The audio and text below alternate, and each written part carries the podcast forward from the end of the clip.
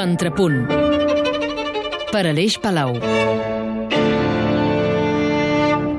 Sonata di concerto amb Guillermo Pastrana i Daniel Blanc.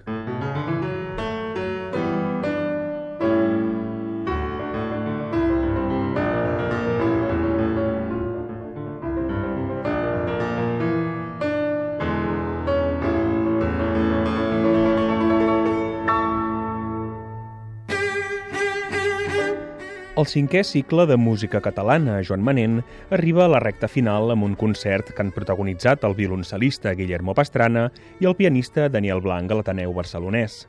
El programa se centrava en l'època en què Joan Manent es va involucrar en l'escriptura per a instruments als quals encara no havia dedicat cap obra. Fruit d'aquesta etapa és la sonata di concerto per a violoncel i piano, única sonata del catàleg de Manent i que va ser l'eix que va articular tot el programa. D'aquesta manera, vam sentir obres de contemporanis i amics del compositor com Joaquim i Gaspar Caçador o Enric Granados.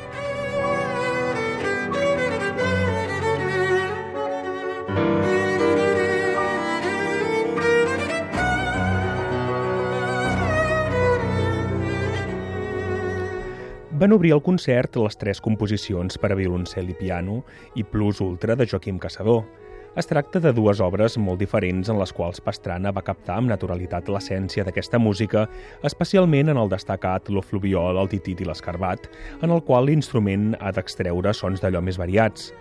Gran emotivitat es va viure també amb Requiebros de Gaspar Caçador i la cèlebre Danza Espanyola número 2 oriental d'Enric Granados.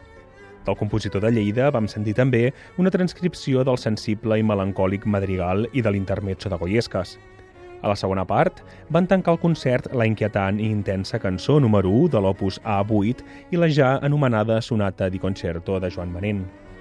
Tant Pastrana com Blanc són dos grans intèrprets i són bons coneixedors de la música d'aquest període.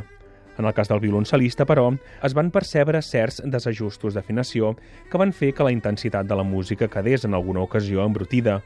Contràriament, Daniel Blanc és un intèrpret de gran pulcritud i de so rodó i estable que va saber equilibrar la balança en tot moment. Va tancar el concert una versió del Rossinyol harmonitzada per Joan Manent.